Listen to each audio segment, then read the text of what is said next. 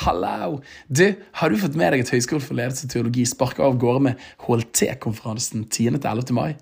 Dette blir dager med faglig og åndelig input for lek og for lærd. Og særlig kult er det at jeg skal ha en live liv- og lederskap-innspilling med hovedtaler for konferansen, Oreste Pesare, som tidligere har vært leder for den karismatiske bevegelsen innenfor den katolske kirke. Det blir onsdag kveld 10. mai klokken 17.45 i Philadelphia-kirken Oslo. Rett før kveldsmøtet som begynner 18.30. Begge deler er gratis. Men du kan melde deg på hele konferansen og benytte rabattkoden Daniel10, små bokstaver, og få 10% discount. Sjekk ut hltkonferansen.no. Vi snakkes der. Velkommen til Liv og lederskap med meg, Daniel Sæbjørnsen. Utrolig kult at du tapper inn og lytter. Podkasten der alt handler om å inspirere til sterke liv og store lederskap i Jesus etterfølgelse. Så gjør deg klar til å lytte og lære, så du kan leve og lede enda bedre. Du, det er en glede å kunne få lov til å ønske velkommen til ny Liv og lederskap. Jeg kjenner stemningen allerede. Er til å ta og føle på. Eh, og årsaken til at dette er utrolig stas, er at jeg har fått med meg en gjest som heter eh, Hva heter du? Roy Elling Foss.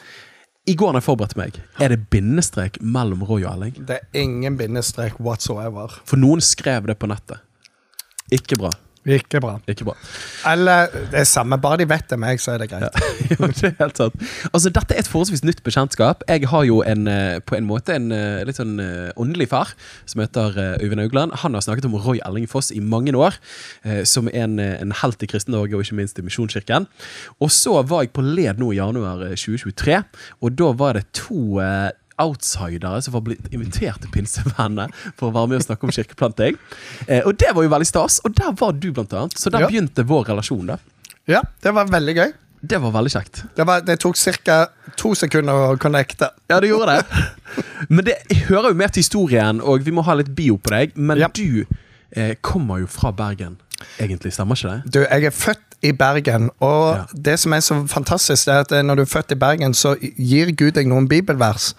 Åpne din munn, og jeg skal fylle den, og du skal tale og ikke tie. Det er de to bibelversene til alle bergensere. Den har jeg aldri hørt før. Den tar jeg. Den tar så jeg. jeg er vokst opp på Jæren. Der er det andre bibelvers. Ja. Og det er du skal arbeide alle dine dager. I den gamle oversetten så med møye eller med strev. Vi aner ikke hva det betyr, så vi strøyk det bare ut. Så alle jærbuer arbeider jo alle sine dager og er glad. Ja. Men holder sabbaten hellig. Holder sabbaten så hellig som de kan. Ja. Og så er det på Sørlandet. Der er det mer han leder meg til de grønne enger hvor jeg finner hvile. Ikke så? Ja, Ja, det er mer i Sørlandet, der er jeg nå. Du, så nydelig, da. Så dette, du har rett og slett hatt en reise fra Bergen, Rogaland og så Sørlandet. Sånn er det. Og det, hva kan en si? At uh, av og til må du bare være misjonær. Ja. Du må ofre. Amen. Det er et lodd å ikke kunne bo i denne byen. Ja. Det, så, Her har du jo Loddefjorden og alt, så det er et lodd å ikke være her. Det er riktig. Så bra. Men du, hvor, eh, hvor ung er du?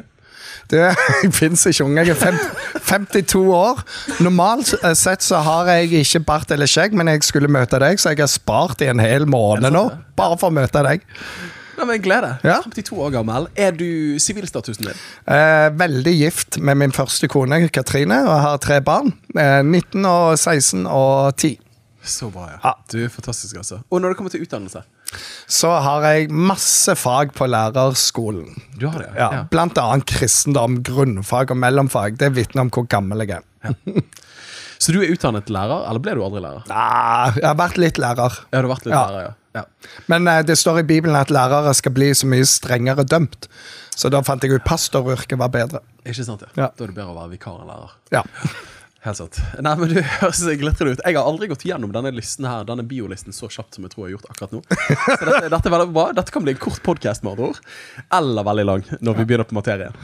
Det er jo sånn når vi har mer å snakke om Jesus enn familien, da er det vi inne på et bra spor, tenker jeg. Ja, helt sånn. Helt sånn, Så lenge ikke vi glemmer familien. Noen som har gjort det òg, i navnet av Jesus.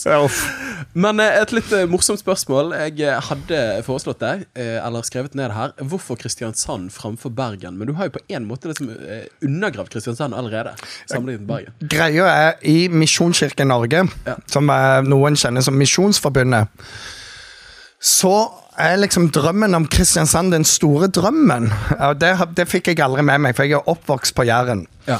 Eh, men så ble jeg henta som bibelskolelærer. Eh, de spurte i to år. Jeg takket nei i to år. Og så er Eh, det på Ansgar, da. Ansgar bibelskole. Eh, og jeg sa nei, jeg er pastor, og Rogaland er det er verdens navle. Ja, Det er meg og Neteland og de andre. Vi vet dette. Men så var det en som sa men kan du ikke be? Så jeg selvfølgelig kan jeg be, for jeg trodde jeg visste svaret. Og så sa Gud reis til det landet der, som var i Sørlandet. Og så har jeg levd etter den regelen at ok, hvis Gud har plassert meg på Sørlandet mot min vilje, fordi han ville det, da er det min jobb å få folk vekk ifra Sørlandet. Mm. Kind of this place ain't big enough for the four of us. Så jeg elsker jo sørlendinger, som jeg gjør med resten av nordmenn. Og jeg har alltid hatt et spesielt kall til Norge. Når jeg vokste opp, så var det å ha kall det var alltid til utlandet. Alle måtte ha kall til utlandet. og Jo vanskeligere det var å stave navnet på det landet, jo mer åndelig var du. Og jeg Og jo mindre du hadde lyst til å dra. ja, da, da var du helt topp. Og jeg ba, og jeg ba, og Gud sa alltid Norge. Ja. Norge. Norge. Så jeg, jeg var han som trakk det kjipeste loddet. Og når vi skulle si hva vi hadde fått fra Gud, så var flere ganger jeg var den ene som Jeg tror bare Gud sier Norge til meg. Beklager. Ja, det er nydelig. Ja, det er nydelig. Jeg tror jeg kan kjenne en resonans der, altså. Jeg, Ja. Det lengste jeg har vært borte fra Bergen, er fire uker i strekk. Altså, Det er det lengste jeg har vært borte fra byen. Noen syns det vekker bekymring. Ja. Andre Jeg tenker det heller taler om dedikasjon. Ja. Eh, så noen av oss må være her òg. Uten tvil. Sånn er det. Og så tenker jeg òg at eh, jeg har heller aldri vært mer enn fire uker vekke fra Bergen i mine tanker. Hvis det Ja, det var løgn. Det var løgn. Jeg bekjenner min synd her Ja, på nei, det er bra, det er bra. Du, Så utrolig fint. Jeg merker at vi har koblet allerede. Eh, og eh, bare for å få det inn, du jobber nå som pastor i Randesund misjonskirke. Jepp. Ja. Og det er en bydel i Kristiansand. Ja. Så eh, fantastisk menighet. 800 mennesker ish gjennom dørene hver uke. Det Så det er ganske mange som frekvenserer der. Wow. Masse barn, masse tweens, masse ungdom, masse studenter, masse voksne. Ja. Og etter hvert masse gamle. Ja, Ja. Fantastisk, altså. Men har du òg et nasjonalt lederskap i Misjonskirken Norge? Ikke nå, jo, jeg var menighetsrådgiver. Ok, ja. ja. Og så er jeg den eneste som har hatt tittelen en fungerende menighets... Hva var det? Seniorrådgiver. Seniorrådgiver. ja, fungerende. Han, det var en annen som var senior... Men var ikke fungerende? Nei, han var ikke fungerende. Min gode venn Sveinung. så det mobber jeg han ennå for. Han, hadde, han var seniorrådgiver, og så hadde han en operasjon.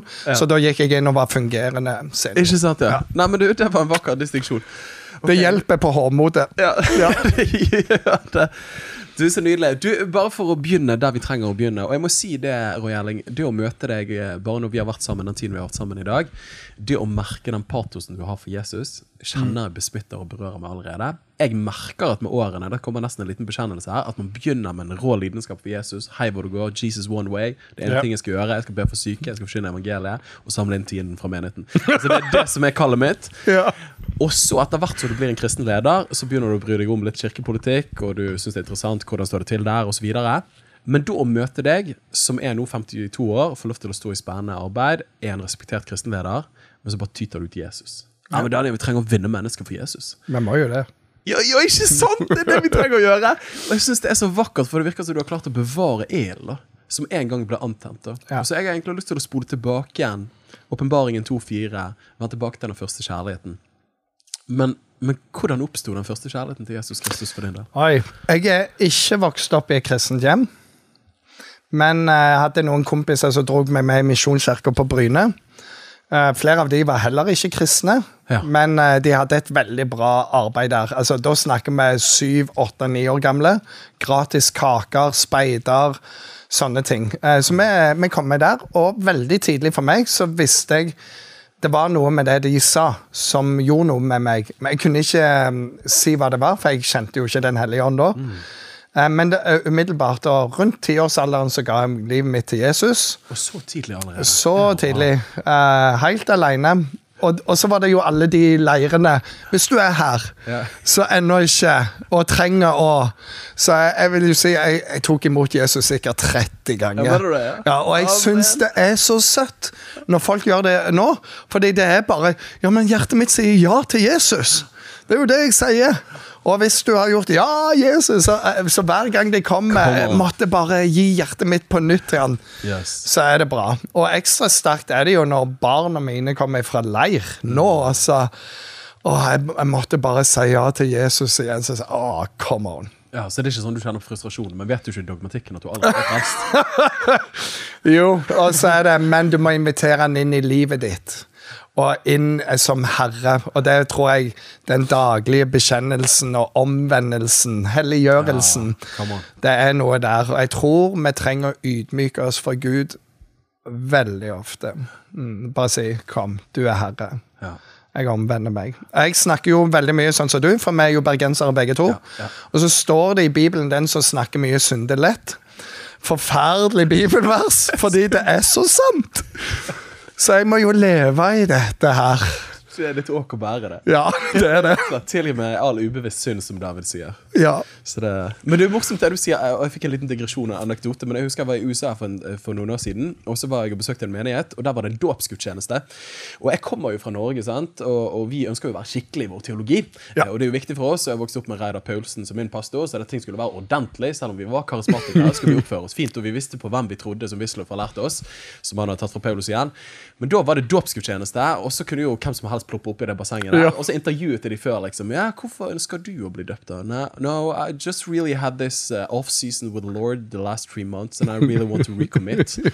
Og jeg bare tenker, dette er ikke bra. Sant? Det er én dåp, én tro, én herre, én far. Og så sitter jeg der, da. Men jeg gråter som en unge. For det er så sinnssvakt sterkt. Men de har vært borte tre måneder, liksom. Hva med omvendelse? Bare ta imot noe av det. Jeg står ikke inne for teologien, men heier dere Guds nerver var der.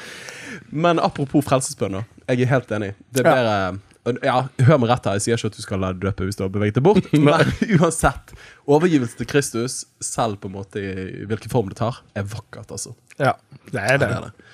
Så ti år gammel, du møter Jesus. Møter Jesus. Jeg har en vandring med han. Jeg husker første leir. Jeg hadde jo aldri hørt hva, er en misjonær Ante ikke det. Vitnesbyrd, hva er det? Jeg husker min første gang jeg skulle vitne, så satt folk i kø. og så spurte jeg, for jeg har alltid vært eh, hva si, lett å spørre meg på ting. Så hva, var det de skal? Nei, de skal vitne. Å, sier jeg, skal de vitne? Hva er det for noe? Nei, du sier et bibelvers eller noe. Å ja. Og så hadde jo jeg òg lyst til å si noe, så jeg sitter meg på enden og så finner jeg ut Jeg har jo ingenting å si. Jeg kan jo egentlig ingen bibelvers.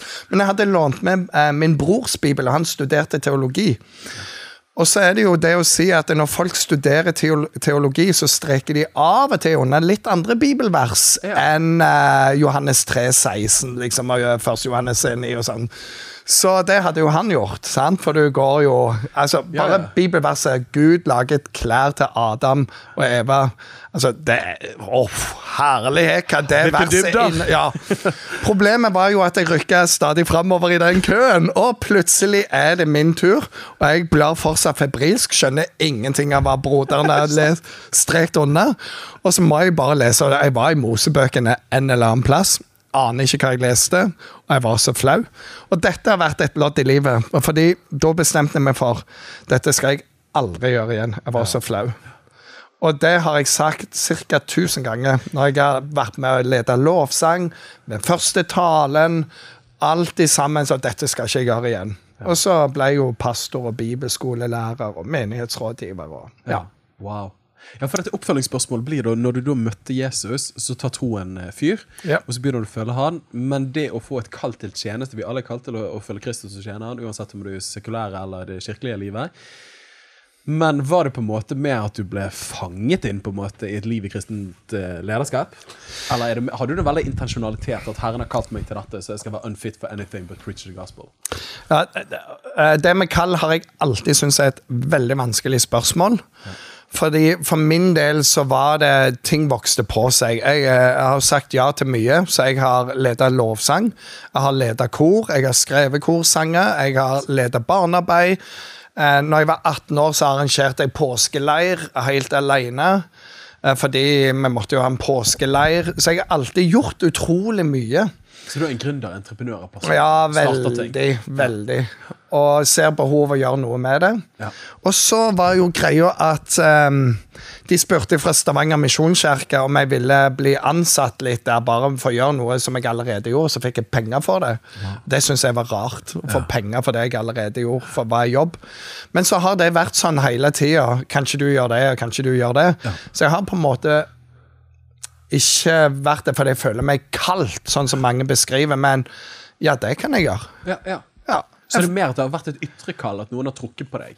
Ja. Og så har det i hvert fall ikke vekket motstand på innsiden. Nei. Og jeg planta jo en menighet òg. Eh, og da, i Misjonskirken Norge, så var det tre menighetsplantinger på likt i Kristiansand. Og alle kunne få nasjonal støtte. Og så sa jeg til de nasjonalt da eh, Hvis det er sånn at dere ikke har nok penger til å støtte alle tre, så trenger dere ikke å støtte meg, for jeg planter uansett. Det er ikke pengene som er min motivasjon. Det er ikke sånn og sånn. Og kan jeg trenge penger? Sure! Men eh, vil det begrense? Nei, fordi det har alltid vært et indre engasjement. Jeg bare må. Yes. Eh, og det har vært en sånn drive, og er en sånn drive for meg. Kan du da spørre i forlengelsen av det? Her kommer vi fra ulike kirkelige bakgrunner. Og jeg synes Ja. det er alltid gøy når jeg reiser rundt. Er du i pinsesammenheng og karismatiske sammenhenger, så kommer man dåpen i Den hellige ånd, shabadabadu. Og så kommer man til Indremisjonsland, så er det 'Har du møtt Jesus?' Sant? eh, og så er gjerne språket ulikt, men realiteten ofte den samme. At man fikk møte med den levende Gud. Ja. Eh, du tok imot Jesus når du var ti, men hadde du en åndsopplevelse i løpet av tenårene? eller? Jeg har mange. Ja. Jeg skal dele en med deg. Eh, jeg hadde en veldig dårlig relasjon til min far. Min far var ingen dårlig mann. Det var bare, Han kom fra fattige kår. Og de kårene var så fattige at anerkjennende ord var ikke oppfunnet. Det kosta for mye på den tida. Og og det er nok mange som kan kjenne seg igjen i min, min generasjon. Eh, så det var mange ting der som Jeg fikk ris på rumpa, fikk ørefike i min oppdragelse. Alle andre i familien, for vi er syv søsken, de visste jo det fins en nøkkel, og det er grin. Bare grin. Eller gråt. Så, eh, så slipper du alt det. Min personlighet er jo heller ingen knekker meg. Jeg bestemmer sjøl. Veldig gøy å se det i mine egne unger nå. Det er bare sånn Jepp, det har du fra meg, og det er herlig. Så jeg utvikler jo et forhold til min far. Der, eh, og dette høres verre ut enn det, men min mor kom gråtende og sa nå, han, nå, nå får du slutte å rise han. For jeg grein ikke. Og det vil jo si at hjertet mitt ble kaldt. Og jeg var Ja, du forherdet deg, ja, fem, seks, syv år gammel. sant? Og på et tidspunkt så, og, så utvikla jeg et hat til han. Og en gang så hadde jeg gjort et eller annet og svart han veldig frekt, og jeg fikk en ørefik som var rimelig sterk. Og da husker jeg ser rett på han, og så tenker jeg bare når jeg er gammel nok, skal jeg drepe deg. Det var min respons, og han skjønte at han har ingen makt over meg whatsoever. Og, det, og vi hadde nok for like personligheter òg. Ja, for han var en tøff type. Ja. Ja. Sant? Og uh, meg òg. Så ifra jeg var syv år til jeg var tenåring, så grein jeg aldri. Ikke av noen ting. Og så er jeg på ett møte på Bryne misjonskirke. Og så er det en eh, som har denne gaven, bare sånn, han senser ting i det åndelige. og så Det er noen her. Og jeg satt på bakerste benk, vi gikk fast på møter, en hel gjeng. eh, Søtt, altså 13-åringer. Og så ser jeg at det skjer noe. Jeg tenker det er 150 på det møtet. Og folk blir møtt av Gud. Og jeg ser bare wow, her er det en eller annen dimensjon. Og når jeg har sett lenge nok på dette her, og han har fått veldig mye, så sier han Nei, så ber jeg til Gud. Eh, En veldig sånn voksen bønn, og den er sånn Gud, hvis du har noe til meg, så si det til han mannen der framme. Det var den der voksne bønnen. og ikke før jeg har bedt det ferdig, så er han bom, fanga det opp. Og så er han, det er en til her. Og jeg visste det var meg med en gang. Wow. Og det som gjorde det sterkt for meg, det var jo at flere rakk opp hånda og så sa jeg skal be for deg, men det er ikke deg. Jeg skal be for deg, det er ikke deg. Og jeg visste det er meg. Og når han har gjort det der fem, seks, syv ganger og spør hvor er du? Og til slutt så bare rekker jeg opp hånda, 13 år, bakerste benk, og han bare sier du er det. Gud skal møte deg. Går fram, han legger hendene på. Eh, mine ledere i Misjonskirken legger hendene på meg, og jeg begynner å tute. Og når du ikke har grenet fra du er 7 til 13 år, det var litt å ta igjen. Sant? Det var bitte litt der. Og etter det så jeg griner ofte ikke når ting er trist, men gi meg hva som helst som er vakkert, som er flott. Når folk møter Jesus, eller når folk får en baby, når jeg skal vie folk i ei kirke. Herlighet! Jeg sier, du kan se på brudgommen at han griner, men se på presten! Han griner enda mer! For det er jo så hellig, det de holder på med! Så det var en av de store, store ja, punktene i mitt liv. Møtet med Den hellige ånd. altså. Ja. Det var sterkt. Forvandle alt. Kan jeg spørre hva predikanten het? Ja. Enevald Flåten heter han. Så det var mange år tilbake, når Jæren kristne senter var en realitet. Så det var sterkt, altså. For mens du snakket, så slo tanken meg. Kunne det være han? Ja. Men en fin måte å hedre hans minne på. ja. Han hadde, hadde flere gode møter der med Enevald. Ja, wow. Sterk Så. Altså. ja, det gjorde noe òg med hjertet mitt. altså. Gjorde det noe med ditt forhold til din far? Kan jeg spørre Ja, om det? og det er et godt spørsmål, fordi det leder meg inn i noe nytt. Jeg leste Bibelen fra jeg var veldig ung. Og det vil jeg si til alle som lytter. Skal du bli sterk i Herren, så må du bli sterk i ordet. Du må lese og lese og lese. Så kom jeg til et bibelvers der det står du skal hedre din far og din mor, og det går deg godt. Du får bo lenge i landet. Og det slo ned i meg. Og, og veldig sånn jeg har hatt i forhold til Guds ord, at uh, Guds ord er sant. Amen. Hva, hva jeg måtte bære med meg, det er en annen ting, men Guds ord er alltid sant. Og det har jeg hatt. Ingen har lært meg det, men det var fra begynnelsen. Og det var sånn, ja, det er sant, og mitt liv er feil, for jeg hadde et hat til min far. Yes. Så begynte jeg å be. Gud, jeg vet ditt ord er sant, og jeg vet mitt forhold til far er feil. Og jeg kunne snakket mye om podkast når det gjelder hva har et barn ansvar for, og hva har en voksen ansvar for. Men oppi det så har jo jeg et hat, og det er feil. Du Sant? du har tatt ansvar for ditt eget hjerte. Jepp. Sant? Ja. Så, så jeg ba jo i et par år hjelp meg å tilgi. Uh, og det handler om oppdragelse og sånne ting. Mangel på noen ting. Eh, og så, og det måtte jeg be. Og så kom det til et punkt der jeg valgte å, å tilgi. For tilgivelse er ikke en følelse, det er et valg. Preach. Og når du velger å tilgi, så velger du at framtida di skal være fullt av noe annet enn bitterhet. At du ikke er fanga i fortida, men du er fri til å leve videre, og den andre blir fri, og nye ting kan skje. Og så, etter et par år òg, så merket jeg jo at følelser var der. Sant? Og hvis far kunne si at han var en veldig god kverulant, så kan jeg kjenne dette komme opp. Oppdragelsen var jo ferdig for lenge siden, eh, så kunne dette komme opp. Men så var det Men jeg har valgt å tilgi, Ja. og jeg tilregner ikke dette. Og så hører det med til historien at vi fikk aldri en drømmerelasjon. Ja. Eh, Vi ble ikke bestiser. Men vi hadde ingen konflikter oss imellom. Vi hadde et avklart forhold. Min far var eh, sjømann, så han hadde opplevd veldig mye eh, i livet sitt. Eh, og noe vondt med helvetes forkynnelse når han vokste opp, så han tok avstand fra tro.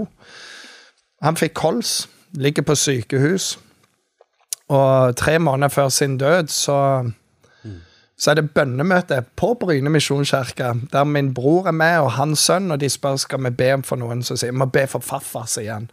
Og så måtte han si det tre ganger før folk ja, men be for farfar som ligger på sykehus. Og så dagen etterpå reiser min bror inn til min far, og så sier han, vet du hva, David sa at vi skulle be for deg på bønnemøtet i, går. Og så tar han mot til seg. Far, skal du og meg òg be til Jesus?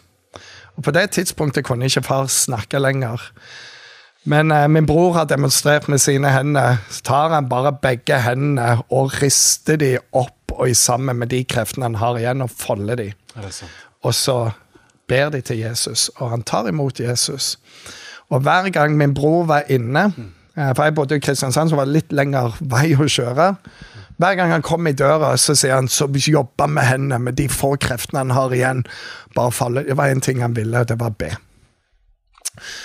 Og så fikk vi hver eh, Vi får en telefon, og så sier sykepleieren nå må dere komme. Nå har den siste tida kommet. Han kommer til å dø i løpet av dagen. Vi får være der ti stykk rundt. Sitter ved hans side, han ute om det. Og så får vi som er kristne lov å si Nå er han hos Jesus. Ja. Han har det bra. Ja. Og jeg gleder meg til den dagen jeg skal se han igjen. Vårt forhold ble ikke perfekt på jord, men i himmelen Hå! Det er en annen dans. Og han har møtt sin Jesus, fått sin tilgivelse, sitt liv. Og jeg kunne si på gjensyn istedenfor å ha en uoppgjort bitterhet over noe i en barndom. Så det er et vitnesbyrd. Du, takk, takk som deler. Det var sterkt. Åh. Sånne historier så det, det er akkurat som man merker eh, Det drypper, det lukter Guds nåde.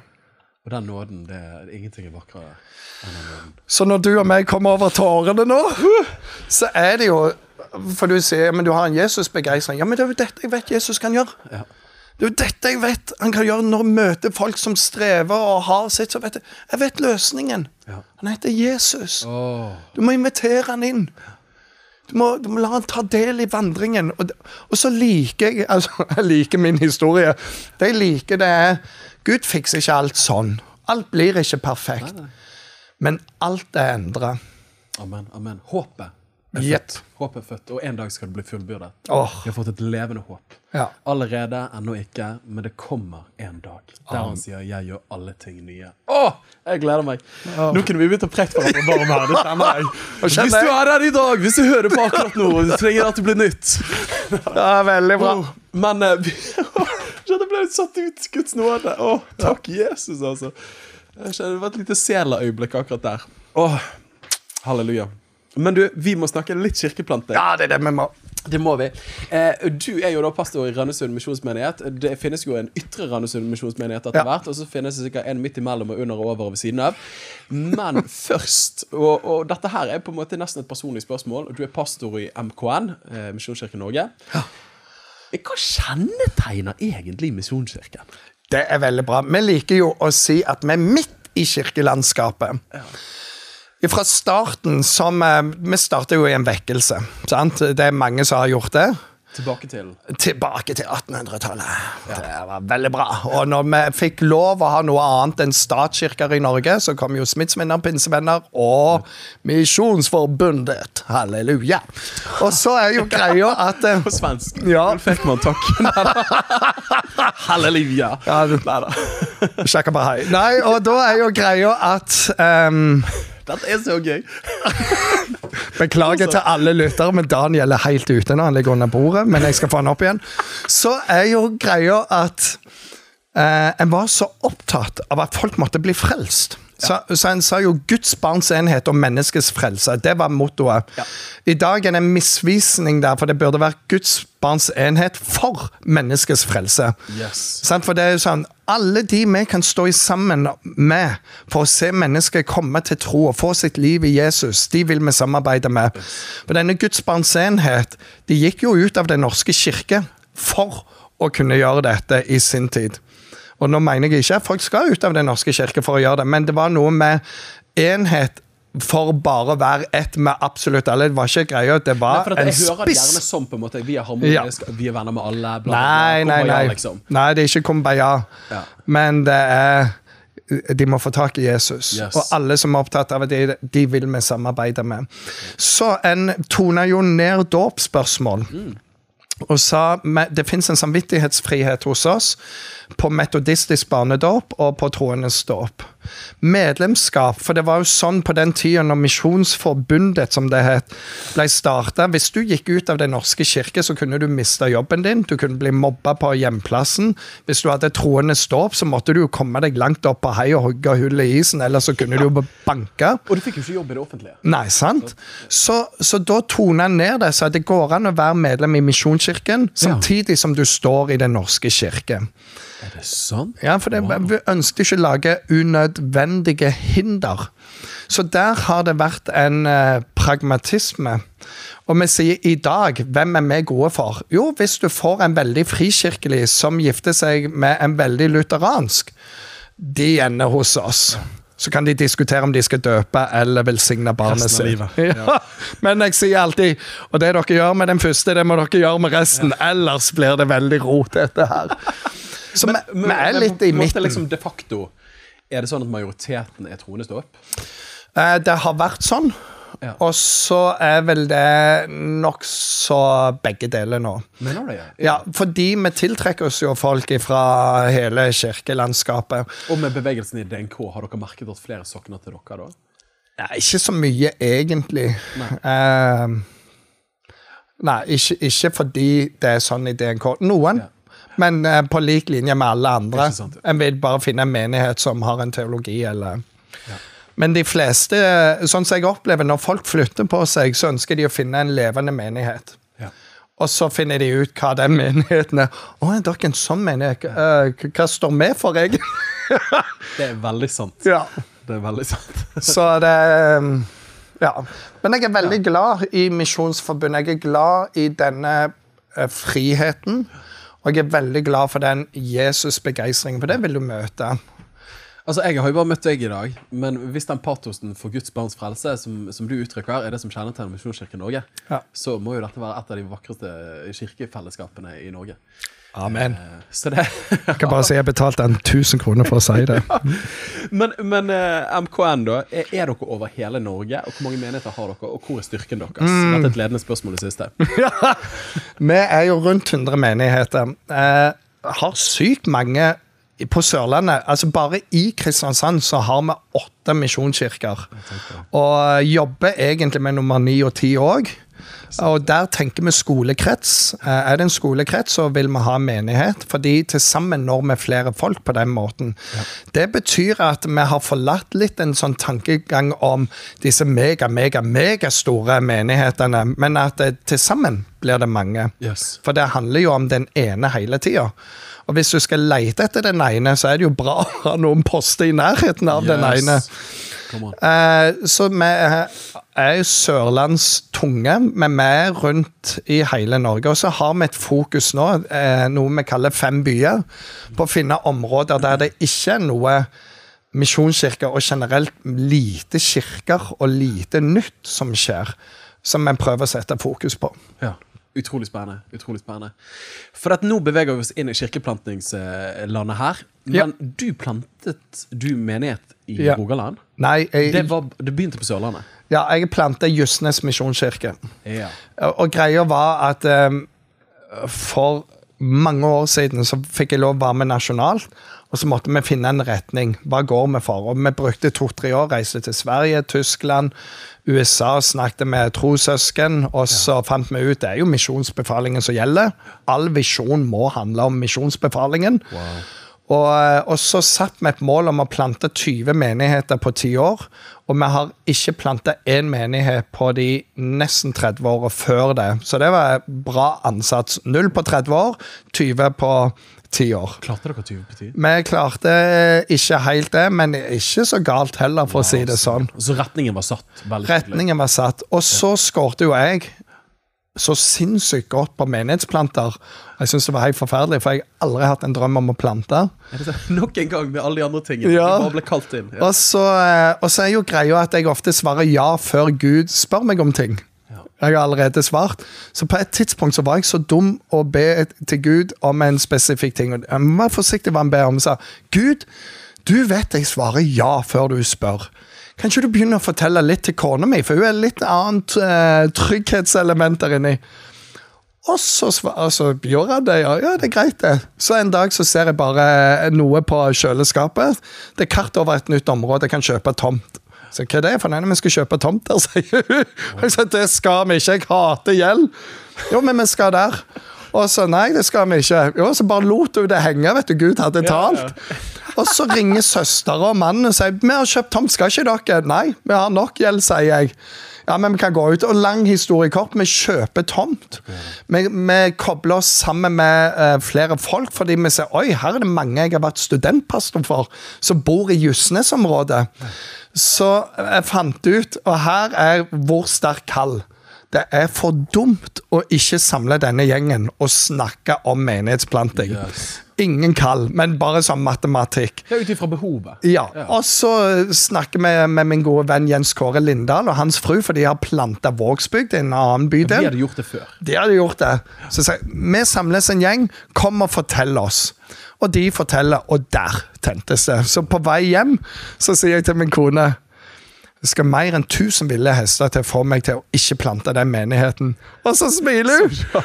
Så smiler hun til meg og så sier ja, men det har jo jeg visst hele tida. Jeg gikk hjem og jeg ba en ny bønn til Gud og sa fra nå av kan du si det til meg først igjen. Å, så vakkert. Oh. Så da begynte det med, med Justøya? Ja, Justnes. Justnes. Ja, beklager. Justøya det er bibelcamp. Ja. Ja, det er noe. Men så begynte det der. Hvor mange år var du der?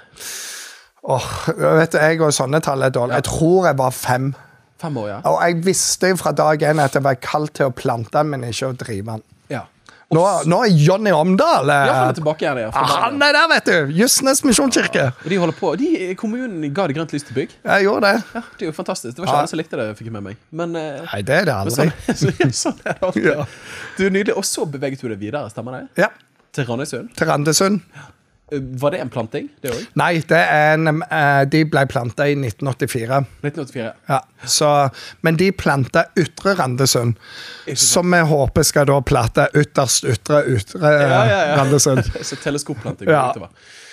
Men det er utrolig spennende det som har funnet sted på Sørlandet. Og, og Ja. Du nevnte jo litt at her har det nesten vært 30 år der det ikke hadde vært plantet. Og så stiller man seg spørsmålet ok, men hva skal kjennetegne Misjonskirken videre. da? Ja. Eh, nå har jo dere satt i gang. Jeg mener jo dere er noen av de fremste forbildene vi har. Og det dere får til i Kristiansand. Eh, nå sa jo du på ledkonferansen at det ikke spiller så veldig mye rolle hvor du er i Norge, så lenge du bare trykker til. Eh, og da tenkte jeg på innsiden ja, det har, har vel seg sånn at de er litt mer kristne på Sørlandet likevel. Det er det. Eh, men, eh, men hva har vært noen av lærdommene når det kommer til å lykkes med menighetsplanting? Åh, ja, det er vanskelig. Jeg lærte en ting. Jeg, jeg trodde jo at jeg Jeg mener jo at jeg er en ganske sterk og tydelig leder. Eh, veldig enkel å forstå hvor jeg vil, og peke i retning. Men så har jeg sånn sosial side òg, så jeg gidder jo ikke gå alene. Sant? Men likevel, når planta Justnes, så tenkte jeg det var en del ting vi ikke skulle gjøre i den menigheten og en del ting vi skulle gjøre. Så er det bare det å si at når du planter i en stor by i sentrum, da kan du definere hva du vil, for det er nok folk i en stor by til å ha noenlunde den kulturen du vil ha. Men når du planter på bygda, eller mindre byer, eller i en bydel, så fins det ofte en kultur der. Yes. Og den vil vinne over dine geniale planer. Det eneste som kan lykkes over det, tror jeg, det er disse flerstedsmenighetene. For, eh, de har en kultur med seg som er satt. Ja. Eh, så, jeg- så jeg erfarte jo det at det var en kultur i Justvik-Justnes-området som allerede fantes. Og måtte jo bøye meg for en del ting eh, underveis der. Ja. Men det kom en menighet, og jeg hadde ingen annen agenda enn at enhver menighet er satt for å lede eller hjelpe folk til troen på Jesus og få et liv med Jesus. Og, og gjøre det de kan for å nå enda flere. Det er enhver menighet der de er satt. Ned, det er det det Ja. Vår erfaring er jo at nesten alle som har planta, har vært i 40-åra. Mener du det? Ja. Interessant. ja, det er det, fordi Jeg er jeg har lært Ja, Ja. men du er unntaket. Men, men det er jo dette jeg har lært. Du, du må plante før det er for seint. Bra. Fortsett med det. Fortell. Ja, og så er jo greia vår sånn, nei, nei, du må jo plante til du har erfaring nok og liv nok. Og, og så tror jeg det fins begge deler. Ja. Men vår erfaring er at eh, alle vi som planter, altså Jens Kåre Lindahl, Stein Bjørkholt, meg, eh, vi planta på likt. Vi var jo rundt 40 alle mann. Hva var det? Og altså, andre som har plantet. Ja, Ja, for da har du moment og ballast. Altså, du har levd noen netter og dager. ja. Ja. Og jeg tror i våre tilfeller alder handl- handler om at de som kom, opplever en trygghet. Ja. De vet hva de holder på med. eh, De har vært ute en vinternatt sjøl. De har barn, eh, og de er ikke i bleiefasen bare. Eh, Forhåpentligvis litt visdom, og ikke bare iver. Ja. Litt sånne ting. Så du får en naturlig troverdighet ved at du bare er litt eldre. Ja. Den hadde jo ikke jeg. Det kan du jo bare meddele. Nei, men du hadde entusiasmen. det hadde jeg, og vi alle var like gamle, så vi, Ja. var alle like det, ja. Og, og det kunne jeg òg ha gjort når jeg var ty Jeg kunne plante når jeg var 20 år, bare jeg visste ikke det. Men uh, Og så er jeg sykt lojal. Det er jo en misjonsforbundsting. Vi er sykt lojale. Ja. Så eh, Men det var en, at vi var i 40-åra. 40-årene. En, en annen ting. um, når jeg kom til Kristiansand i 1999, så startet jeg studentarbeid i Salem. På fem år så opplevde vi det vokste fra det arbeidet som eh, jeg gikk inn i, som var rundt 30-40, til å være 500 på møtene. Det det gikk? Nei, det er et nei. nytt konsept. Okay, ja. ja, Ja. Men det heter kveldsmøte. Og så var det um, med ku... eh, det, Og det heter Q-kveldsmøte. Ja, jeg trodde du bare sa det var liksom kveldsmøte. Ja. Det var ikke veldig kult. men det var ikke kult eh, navn. Det var et kult konsept. I hvert fall så var det jo 500 der i mange år. Wow. Etter hvert som de gifta seg, så flytta de ut i bydeler. Ja. Så for oss, når vi da eh, begynte å plante i bydeler, så var det så mange familier å ta av. Og det så du hadde relasjon til fra før og så videre. Ja, for de hadde jo gått i Salem, som det heter i Kristiansand, i mange år. Fått en relasjon til oss. Likte jo eh, stilen, undervisningen, fellesskapet. Og på en måte var blitt litt sånn misjonsforbundske. Eh, så det sier jo til alle kirkesamfunn, hvis dere vil være rå på menighetsplanting, så må dere være rå på studentarbeid. Studentarbeid lager grobunn for utrolig mye planting, for folk flytter på seg. Ja. Og spesielt til nye bydeler, for der er det unge folk. De har akkurat vært studenter. Ja. Og, og for oss òg, da, så ser vi de plantingene der du får med deg en gjeng, altså 30-40-50 med en gang, de vokser ofte mye fortere enn når du er bare to par som pionerer et nytt landskap. De er virkelig helter for meg, altså. Men det går seinere. Så du får et sånn gratis Sånn en koloniplanting, som man gjerne kaller det. Ja. Man er liksom 40-50 stykker. Ja. Det er jo fantastisk hvis du kan være så mange. Men 30 òg. Du er mindre sårbar. Bitte litt mer økonomi. Ja. Flere å dele på oppgavene. Og så vet vi i alle plantinger at noen blir med, så slutter de, for de klarer ikke forholde seg til visjon. De må ha et bygg, og eh, barnet mitt trenger det, og sånn, og det er fair. Men det, for en planter det er jo helt forferdelig. Der mista jeg 30 av menigheten min. og det var de som sa at jeg måtte plante, liksom. Er helt vanlig problemstilling for oss plantere. Du, Så spennende. Så, så, så kultur, altså lær å kjenne kulturen der du Ja. kommer. Alder, det er Ja. noe med det. Eh, og studentarbeid, fokuser på det, for det det er de som kommer til å flytte ut i bydelene. Ja. Men da kjenner jeg spørsmålet melder seg. Jeg tror du har delt det tidligere. Men noe av nøkkelen til Misjonskirken sin vekst på Sørlandet de siste årene har jo vært at dere har tenkt bydeler, Ja. og ikke bare sentrumsmenighet. Det er ikke bare Salem i sentrum Nei. som er det det handler om. Men prosentvis eller antall, hvor mye har dere vokst da bare ved å tenke mer nærkirke og misjonalt i bydeler? Og jeg er veldig dårlig på dette, men jeg tror Altså, Salem alene på det meste samla en 600-700. Så gikk det noen år, så var vi plutselig oppe i å samle 1300-1400 til sammen eh, som Ja. plantinger. Etter bydelene Ja. Og så er det litt forskjellig. Men kan ta Randesund, da. Ja. Eh, For Randesund, for ti år siden plantet de Ytre Randesund, som eh, det heter. Eh, Det er morsomt. ja, det er veldig bra. Og Da hadde vi en gudstjeneste, og så ble det planta ytre. Halvparten av menigheten forsvant ut fordi de bodde der ute. Og det jo det kostet litt for Å, det kostet. Og Vågsbygd hadde den andre, eh, for de planta Flekkerøy. Der Siri Iversen ble pastor, og der var over halvparten. Og de bygde gruppe. Og når, når Flekkerøya hadde sin første gudstjeneste, for de bygde gruppe først i et par år, så var det 300 på den. Så, var litt, ja, så, så vi sier Flekkerøya det ble aldri planta, de bare starta. Jens Kåre han måtte starte Vågsbygd to ganger og gjorde en syk jobb. Han måtte ikke starte, men sant? han ga jo vekk så mye. Og litt sånn var det i Randesund òg, for Stein Bjørkholt hos oss fikk jo med seg så mange barnefamilier. og Det var litt ribba tilbake igjen. Nå er vi ti år seinere. Randesund misjonskirke hadde 250 på gudstjenestene da, når de planta for ti år siden. Ytre samler normalt sett 300-350 på gudstjeneste Wow. på en skole. Så de har jo ennå ikke fått effekten av et bygg. Eh, men de er mer enn menigheten var. Som sendte de for Ja. ti år siden. Og Randesund har nå to gudstjenester for å ta under sin masse. Så vi er oppe i rundt 400, tipper jeg, på våre. Og i advent så var snittallet over 500 på gudstjeneste. Og i løpet av en uke 700-800 som er innom på ulike aktiviteter Ja. og så videre. Og det er bare et sånn hvilken som helst. Så det betyr jo så at det det- nettoveksten er vinn-vinn for begge tider Alle. senere. Og så har vi òg sagt at det kan bety, og det har betydd, at ungdomsarbeidet vil gå litt opp og ned. Ja. Men til sammen når vi flere. Og da må en eh, vite at det er ikke tap, det er vinn. Hvis vi får en mindre flokk, færre konfirmanter og sånne ting, da kan vi jo disippelgjøre mer. Ja, ja. Så det å snu tankeganger og dette med at det er bra å sende, for det òg har vært en nøkkel. Det har vært en verdi i menighetene vi vil sende. Vi har en høstkonferanse eh, i september hvert år, og i Randesund så markerer vi hvem er det som har vært i vår menighet, som nå har fått jobb i en annen menighet eller kristen organisasjon. Og vi feirer det.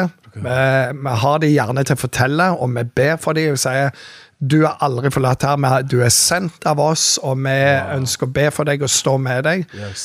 Alle som vi sender, sier vi eh, du får, hvis du vil, to års mentoring av oss, for de to første åra er de vanskeligste. Ja. ja. så ring oss når du vil, og det er en av gavene vi sender Og med. selv om de går til en annen kristen organisasjon. Ja, ja, men det er Guds rike, og det er jo dette Yes. som er Hvis du er opptatt av å bygge ditt, det er aldri bra. Men hvis du er mer opptatt av å bygge Guds rike, så kommer du til å høste det du sår. Wow. Så hva enn vi kan gjøre Og det har også vært en av våre nøkler, for vi har Så nok sånn Guds rike generøsitet, da. Ja, ja. men vi har jo Guds rike generøsitet i andre. Jeg er helt enig, ja. ja. Så, men det å, å kunne være coach for folk som planter en annen plass ah, Altså, bring it on. Det er Guds rike. Oh. Så Så deilig, altså. ja. Så dette, når jeg hører den, deres fortelling, og den har jo inspirert meg veldig, og det har vært en litt sånn glory story i norsk kontekst, for det har vært med å vekke mot i, i mange flere av oss, men det å våge å tenke bydeler, Ja. og ikke minst enda mer elementært, våge å tenke menighetsplanting. Ja. For menighetsplanting det kan erfares som et tap i øyeblikket, men nettoveksten på sikt er som regel alltid større, og du når nye mennesker for Jesus. Hvis du gir blod, så sier de at det er stort sett er veldig sunt. Ja. For det erstatter noe, det renser noe. Sunne menighetsplantinger de gjør det samme. Nye ledere kommer til. Nye får være i roller. Du frigjør folk med passion for et eller annet. Folk som har vært passive, og så plutselig har de flytta, og nå er de klar igjen. De kom i en fase av å kjøpe hus, innrede det, få små barn, var ute. Men nå planter vi menighet! Så akkurat så du skrur på en bryter igjen hos de. Det er jo helt fantastisk. Ja, for det, mens du snakker, så sitter jeg og tenker Ok, nå har vi herlige mennesker i kirken som er leder, men tenk om jeg kunne sendt noen av de i noen år. For jeg bare lurer på, Har dere erfart sånn som du sier der, den revitaliseringen både av personlig trosliv, men òg menighetsengasjement? At folk gjerne blir litt satt etter noen år, for de kjenner rutinen, men idet de blir sendt til Ytre Randesund, så er det bare boom! De kommer i kontakt med tjenestelivet igjen. Ja. Ja. Veldig. Og det er litt sånn Nå er det vår tur. Yes. Ja, men det er våre naboer. Og det som er interessant med bydel eh, For jeg har jo vært i bymenighet. Jeg var i Stavanger, sant? Det var by. Og jeg bodde i Hillevåg bydel og kjørte inn og sånn. Men når vi er på Søm i Randesund, det er bydelen vår Søm, så har vi folk som bor i hver eneste gate i Søm. Som folk går til kirka, folk sykler. De er med i Randesund idrettslag sammen med alle de andre. Samme FAU-møtene på hele gjengen. For unger å ta med en nabo som ikke er kristen, det går jo. For vi går til kirka, og så går vi hjem igjen. Og så har jo ungen fått gratis lunsj, som vi andre tror er kaffe og kaker, men det er lunsj for barna våre. og så skjer det jo noe der i den troverdigheten og tilliten. De må ikke inn i en bil for å kjøre 20 minutter til kirke. Nei, For det krever et sånt dedikert valg for faktisk å kunne gjøre det. Ja, og vi, vi måtte ta det, fordi når vi skulle bygge noen kirkebygg sånn, så var det ja, Skal de være langt inn i en bydel, eller skal vi tenke åreknutene til, til veien, innfartsveiene? Og så måtte vi si nei, sånn har ikke vi tenkt. Vi er der folk bor. Ja. Eh, og det har vært en kjempesuksess. Men jeg tror det er mange faktorer som skal til for å lykkes. Men nærhet er jo en av gevinstene. Ja, så Misjonal nærhet er en av nøklene. Ja. Være til stede der mennesker Det sier jo seg sjøl, på en måte. Ja. Men så- så kan jeg si, vi satt i Randesund. Og så har vi et stabsmøte. Går igjennom, tar opp et kart. Hvor bor medlemmene? Og så er det en som sier Jeg tror vi har folk i alle gater nå. I søm. Og da var det bare sånn Og dette er pioneren i meg. Hm. Det sier meg to ting på samme tid. Det ene er vi må innta gatene, for vi er i de. Og det andre vi er nødt til å utvide horisonten noe så sinnssykt! For det er mange nabolag som ikke har noen kristne i whatever gate. Så det der er inn i gatene, ut i verden, det er jo Inn i gatene, ut i verden.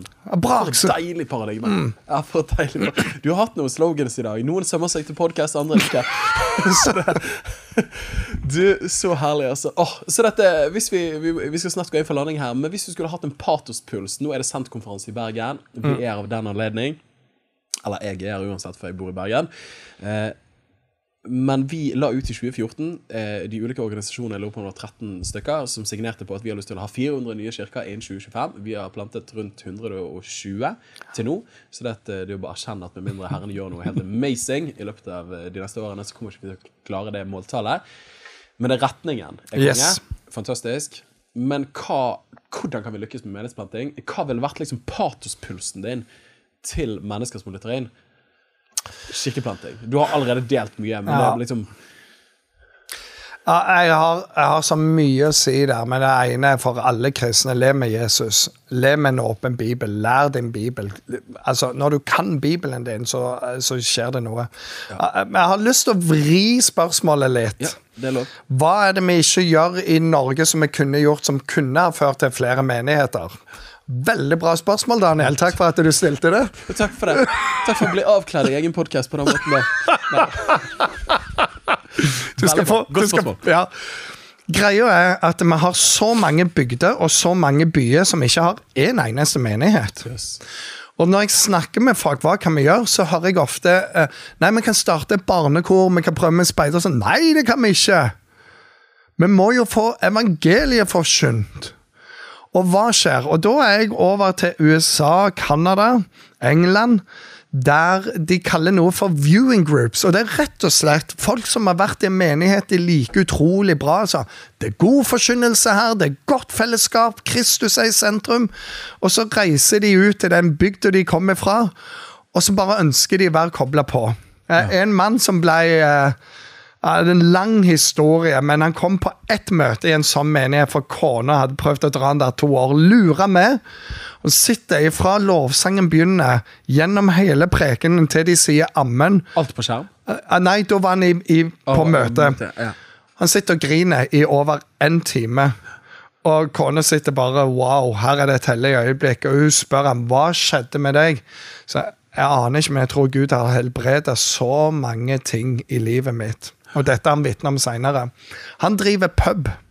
45 minutter derifra. En liten by som heter eh, Knapp, eller Napp.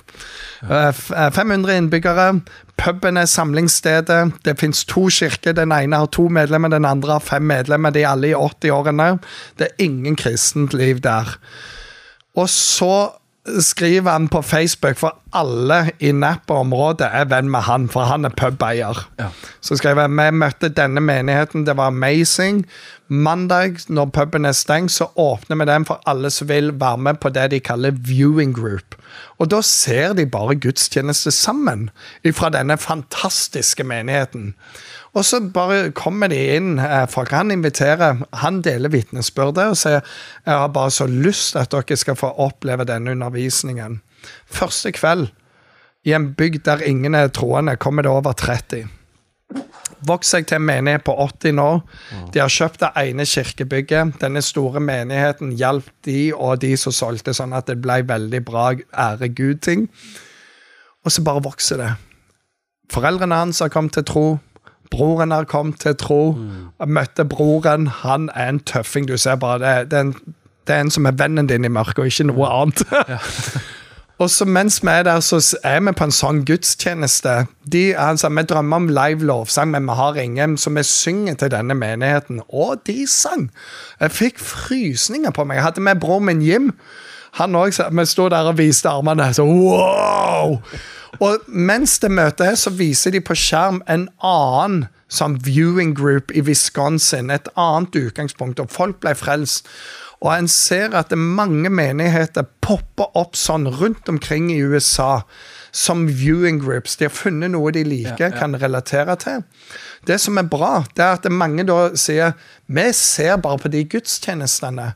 Og du vet du får verdensklasseundervisning med det du kun kan gjøre lokalt, og det er fellesskap. Yes. Så hvis du har et bygg, kan by på litt mat, så er alt annet pluss.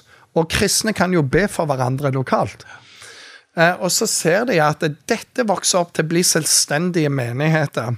Noen av de store menighetene får spørsmål om kan vi få lov å bli en del av dere, og de sier nei. Fordi dere kan få alt vårt gratis, bruk så mye dere vil. Men vi tror jo at Gud kommer til å lede dere seinere her, og da må dere ha friheten uten å spørre oss. Men vi ønsker å velsigne med det vi kan. Guds rike igjen. Og dette tror jeg kan skje i Norge på så mange plasser. Spane. Det som er gøy, Spane. det er at hvis vi var to menigheter, flytter til en plass der det er ingenting, så kan vi som eh, to familier vi kan være sammen som kristne, se. Og hvis vi finner ut nå gidder vi ikke det lenger, no big deal. Men hvis det bygger på seg, så kan det bli til en fast cellegruppe, og det kan bli til menighetsplanting. Men du har denne terskelen. Ja, det går veldig gradvis òg. Yes. Det er ikke de store risikoene. Ingen. Og, og det var sånn Nei, takk for samværet. Det ble åtte måneder, og det betydde mye i mitt liv. Betydde mye for troslivet. Ja, og da har du ikke en mislykka planting, du har bare et godt kristenfellesskap. Ja. Men når det vokser seg inn til noe annet, som vi håper på mange ting, så har du plutselig fått en ny livsnær menighet.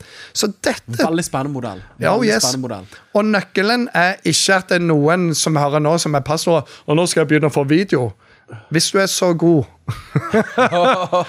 og folk sier vi har lyst til å høre på han der, selv om det er på bergensk og litt sånn Åsane-dialekt inni der, men han er god. Ja, men la det skje. Ja, la det skje. Så finner de det. Og dette tror jeg for Norge. Og jeg håper at vi kommer til å få 100 menighetsplantinger på den måten. Ja.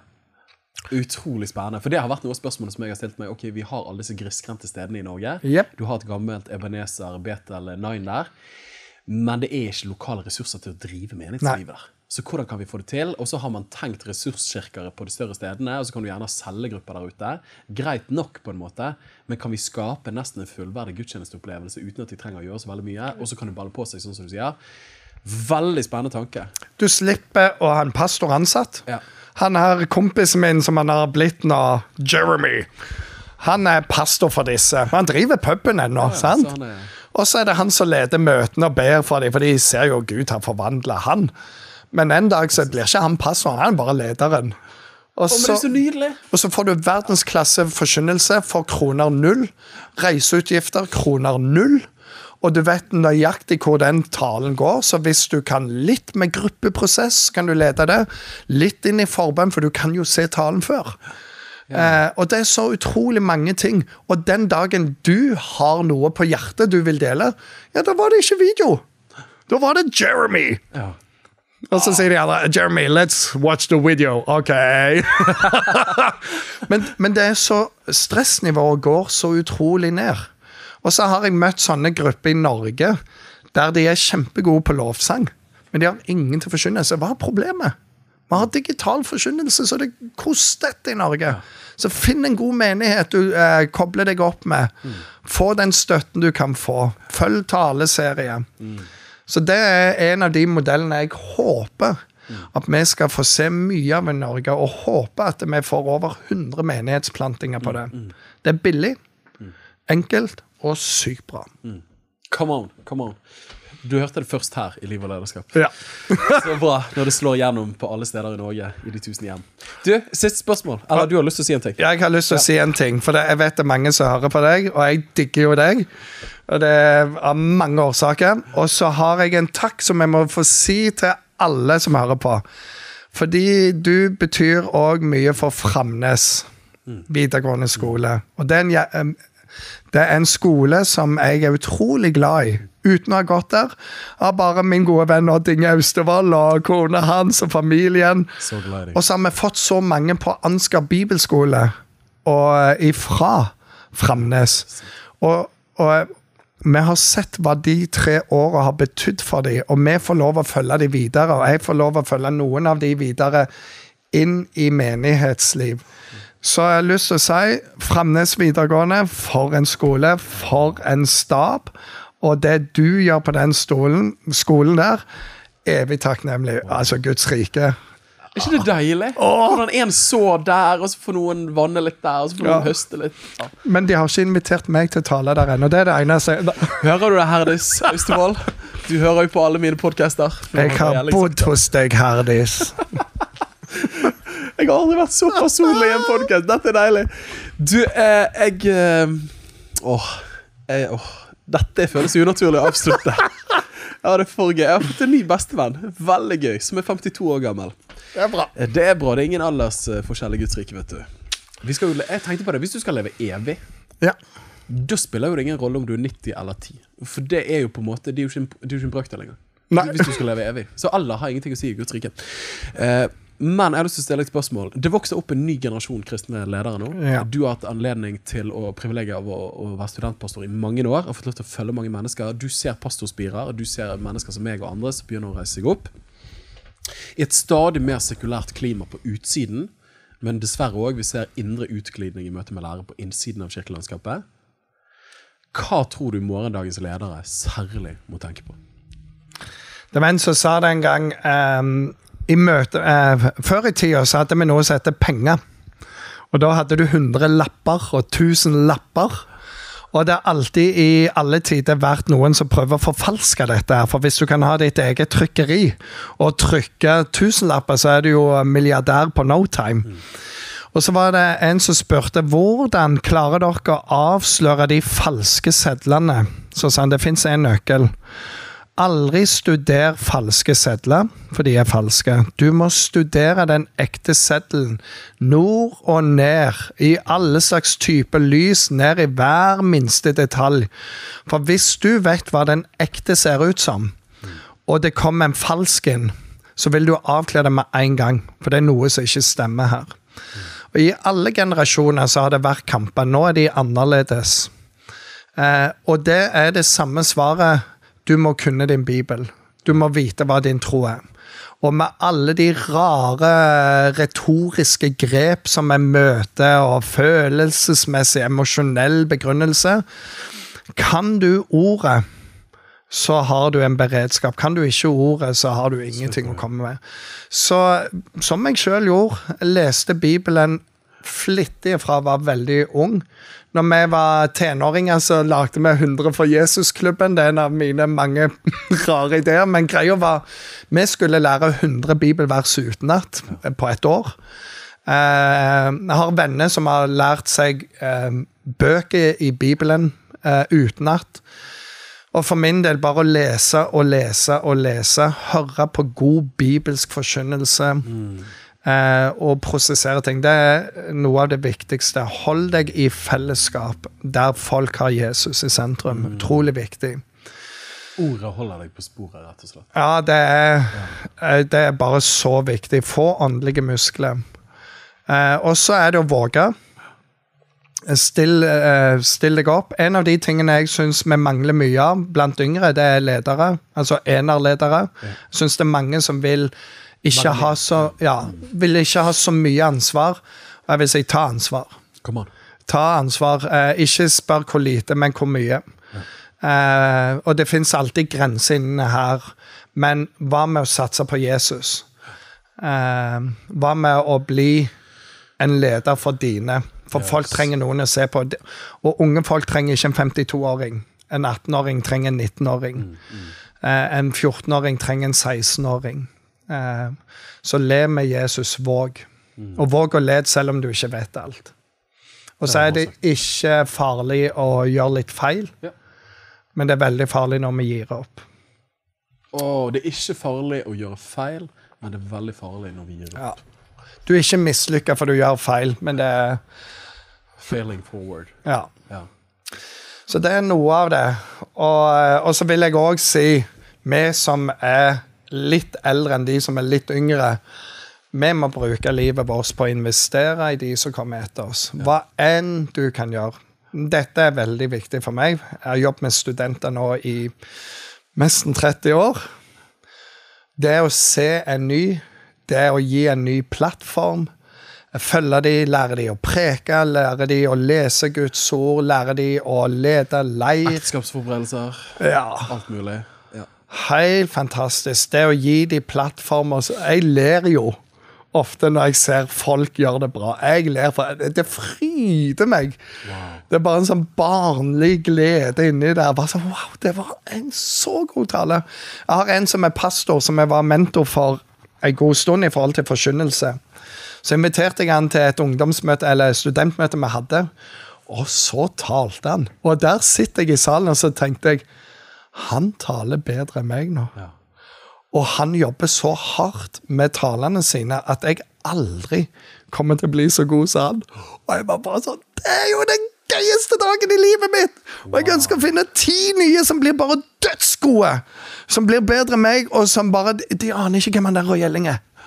Men disse Fordi det handler ikke om meg, det handler ikke om Daniel. Det handler om å få en til med til himmelen. Åh, come on, preach, boy. Åh, men så deilig. Du har kommet til enden av det sjøl. Du vet jo korsfestet med Kristus. Det handler ikke om mitt navn. Hva er det? Sinsendorf som sa det denne, denne uken, så leste jeg sitatet av han. Preach the gospel, die and be forgotten. yes! Og det er noe bare deilig befriende med det. Ja. For det handler ikke om oss. Det handler om han som sitter på troen, som tilhører all makt, ære og herlighet i all evighet. Vår jobb er å lede de nærme Jesus. Og så sier jeg sier til så mange som reiser, jeg, jeg har ett ønske. Og det er når du fortsetter på din trosreise, når vi møtes, at vi kan ta en kaffekopp, så vil jeg høre hva, hva skjer i ditt liv. Hva har du erfart? Um, og det er min glede å få lov å sende folk. Fantastisk. Du, dette her har vært utsøkt. Dette har vært en utrolig livgivende, en latterfull samtale, men ikke minst mye lærdom og liv og lederskap i det. Så tusen takk for livet du lever, eh, og det du besmittet oss med i dag. Tusen takk. I like måte. Takk for at du lyttet inn til Liv og lederskap, og håper at du ble inspirert til å leve sterkere og lede større i Jesus etterfølgelse.